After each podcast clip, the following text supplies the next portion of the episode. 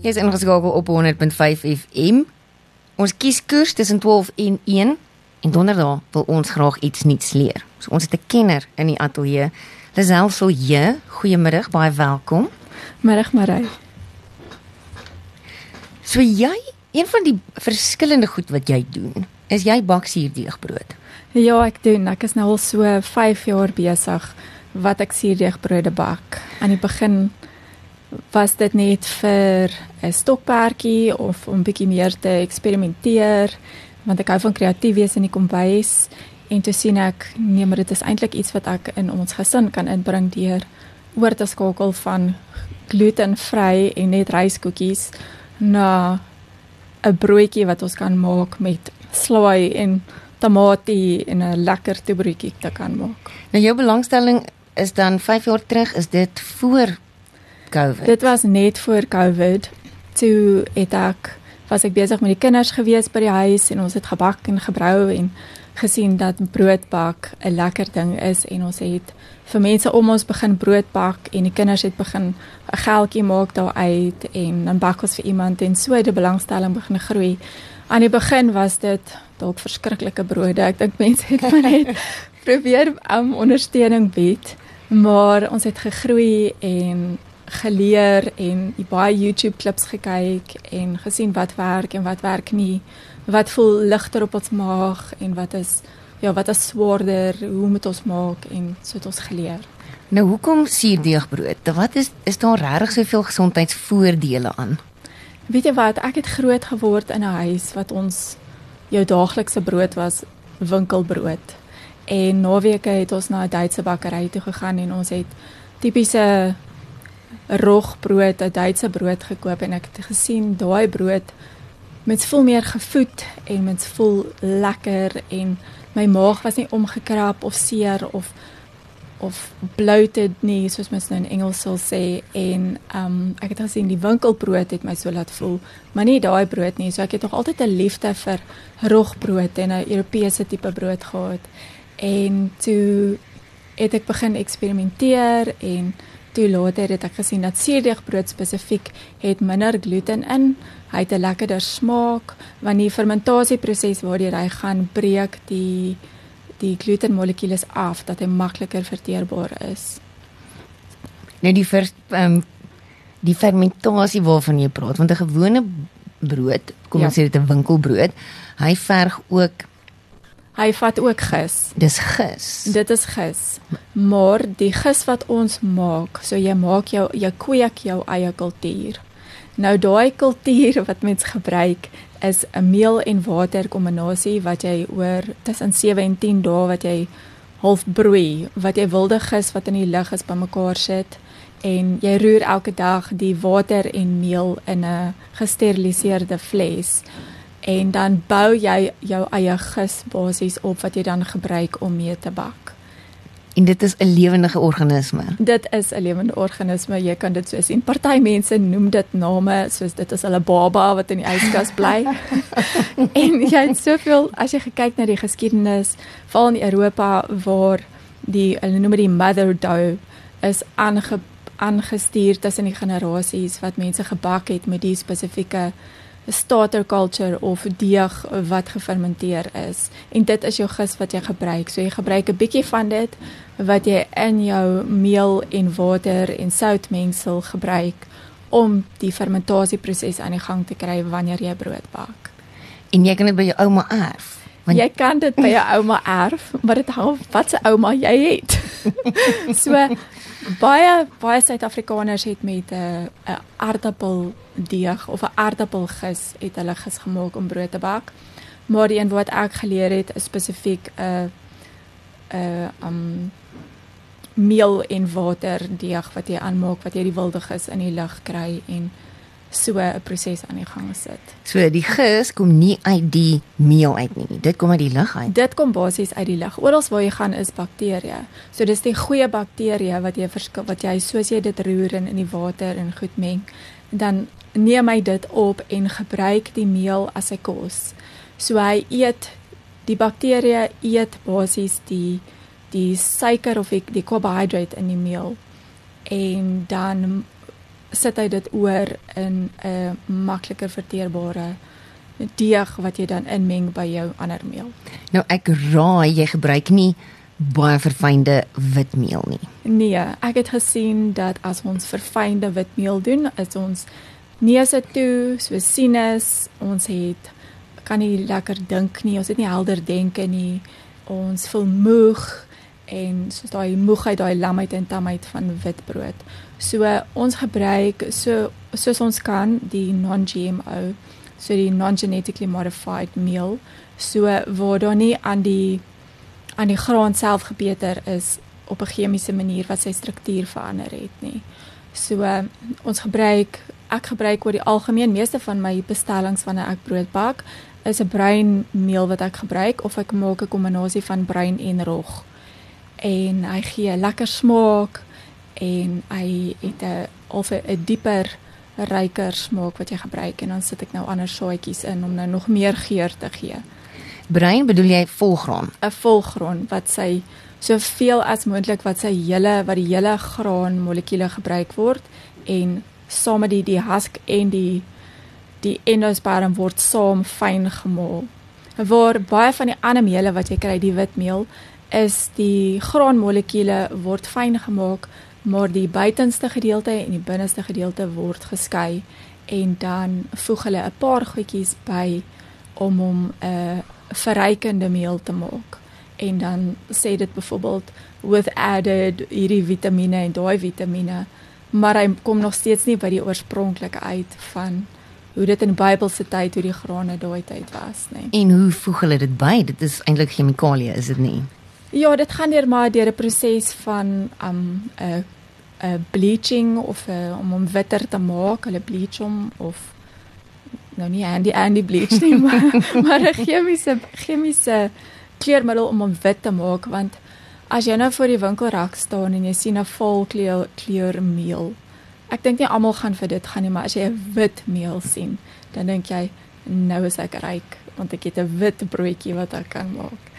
So ja, maar die bruin is beter of die suurdeegbrood is beter. Selfs al gebruik jy die witmeel, gaan die suurdeegbrood makliker verteerbaar wees. Jy gaan nie sit met al hierdie ander negatiewe effekte waarmee baie mense sit wat gesondheidsprobleme selfs het nie, maar as hulle net besef dit is die die verfynde oorgewerkte meel wat hulle in hulle al, alledaagse lewe gebruik wat die oorsaak van baie van hulle siektes kan wees. Um moet dit ook stone ground wees. Dis beter as dit stone ground is en want dan word die daar's minder reaksie teenoor die olie byvoorbeeld wat in die natuurlike graan is van daar's Vitamiin E olie in die grane. So dit reageer verskillend op hang af op watter manier jy dit nou maal en gebruik. En die rogbroodmeel? Die rogbroodmeel het minder gluten in as byvoorbeeld 'n bruinmeel of as 'n witmeel. En hy's ook makliker verteerbaar. Hy's net baie moeiliker om mee te werk. So as jy die kuns reg kry om 'n perfekte rogbroodjie te maak, kry jy 10 punte van my af.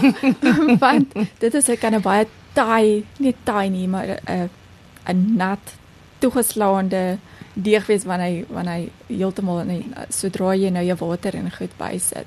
So as jy nou net intree vlak is op suurdeegbrood, sal ek nie aanbeveel om 'n rogbroodjie te probeer bak nie, want jy mag dalk afgesit word vir die res van jou bak verstaan. so ek sal sê begin met 'n bruinmeel of 'n witmeel, 'n broodmeel spesifiek, want die broodmeel het 'n uh, sy sy struktuur is is bietjie swaarder en jy gaan 'n beter struktuur brood kry. Nou as ek nou 15 minute van my foon aan wil kom en hierdie doen. Ek vat my meel, ek vat my water. Hoe begin ek? Wat doen ek presies? OK, jy gaan heel eerste moet weet of jy braaf genoeg gaan wees of jou eie kultuur gaan begin kweek. En dan moet jy 'n gesteriliseerde fles vat en dan het jy nodig om meel en water omtrent gelyke mate te meng en dan het 'n 'n lappie bo oor te sit en dit net op jou kombuisblad te sit. Jy sit hom nie in die yskas nie. Dan gesamenlik met die temperatuur buite en die natuurlike bakterieë waarvan ek gepraat het wat in die lug is, begin hy 'n konkoksie daar te broei op jou blad. Dan sal jy hom elke dag sal jy hom bietjie roer tot hy begin borreltjies maak en dan sodra hy borrel, borreltjies begin maak, beteken dit hy het 'n sekere stadium bereik van fermentasie en dan moet jy jou meel begin insit om vir hom jou baba nou kos te gee basies.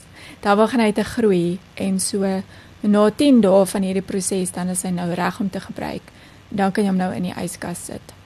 En dan sal jy omtrent 'n kwart koppie van dit uithaal wat jy in jou saam met jou meel en water meng om 'n deeg aan te maak en dan bietjie later is daar 'n sal jy sout bysit en so groei jy die hele tyd hierdie kultuur wat in jou yskas is. Jy hou hom aan die gang. As jy hom nie gaan kos gee nie, gaan hy doodgaan, hy gaan vrot en hy gaan in 'n alkohol tipe tipe ding in verander en dan kan jy hom glad nie gebruik nie. So jy dit dit is 'n bietjie van 'n verantwoordelikheid wat saam met dit kom. Dis soos 'n Tamagotchi wat jy aan die lewe moet hou. ja.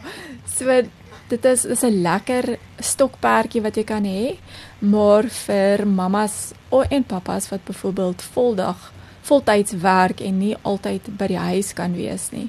Sal jy net mooi moet beplan dat jy weet wanneer om jou deeg te roer want dit is 'n 2 dag proses voordat jy nou eintlik jou brood kan begin bak. So jy as ek nou byvoorbeeld môre 'n brood wil hê, moet ek vanoggend my kultuur uit die yskas uithaal, die bietjie wat ek gaan gebruik en my deeg begin aanmaak. Dan gaan ek so elke op die uur vir so 4 keer gaan ek hom lig en vou die deeg om lig in hom in te kry en dan gaan ek hom oornag laat staan en dat hy sy ding doen. So hy breek die glutenmolekules af, hy hy fermenteer, hy gee daai unieke smaak van 'n suurdeegbrood gee aan hom en dan kan ek hom die volgende dag kan ek hom eers bak. En dan wanneer hy die oond uitkom, dan moet ek nog 'n bietjie wag want jy kan nie 'n brood wat so pas uit die oond uit is sny nie want jy gaan hom heeltemal squash. Hoe is dit? Ja, dan kan jy hom nou nie eet nie. So dit is nou 'n bietjie moeilik vir kindertjies wat nou lekker brood ry kan hulle nou opstaan en hulle wil nou snytjie brood het, hulle moet net so 'n halfuur of 'n uur wag dan kan jy hom sny. Wat doen jy dan met die jou die motherload wat jy nou los in die yskas? Hy woon nou daar. Hy woon daar. So, jou aan hom, hom te elke voed. ja, afhangende van hoe die temperatuur is, maar dit is vir elke tweede dag of derde dag wat jy hom voed. As jy byvoorbeeld in die as jy in die Laagveld bly, moet jy hom meer gereeld voed want die temperatuur is warmer en bedompiger en so hy eet vinniger As jy byvoorbeeld in 'n kouer area bly, gaan jou deeg stadiger fermenteer en jou kultuur gaan stadiger eet aan die meel wat jy gevoed het. So as jy byvoorbeeld in Dalstroom 'n brood bak en jou kultuur aanmaak, sal jy byvoorbeeld elke 3 dae jou deeg voed, waar in Nelspruit sal jy elke tweede dag om moet voed om hom aan die lewe te hou want anders sit hy oor in 'n tipe van 'n alkohollaagie wat hy bo op kan maak. So dit hang af. Jy leer jou jou deeg ken en jy leer jou kultuur ken.